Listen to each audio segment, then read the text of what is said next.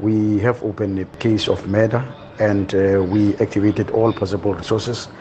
And uh, it was not long that uh, the first suspect, who was 19, was arrested on Saturday the 16th. And on the same day, the second suspect was arrested around 1400 hours. Both the two suspects were charged with murder and they are expected to appear before the Balfour Magistrate Court today.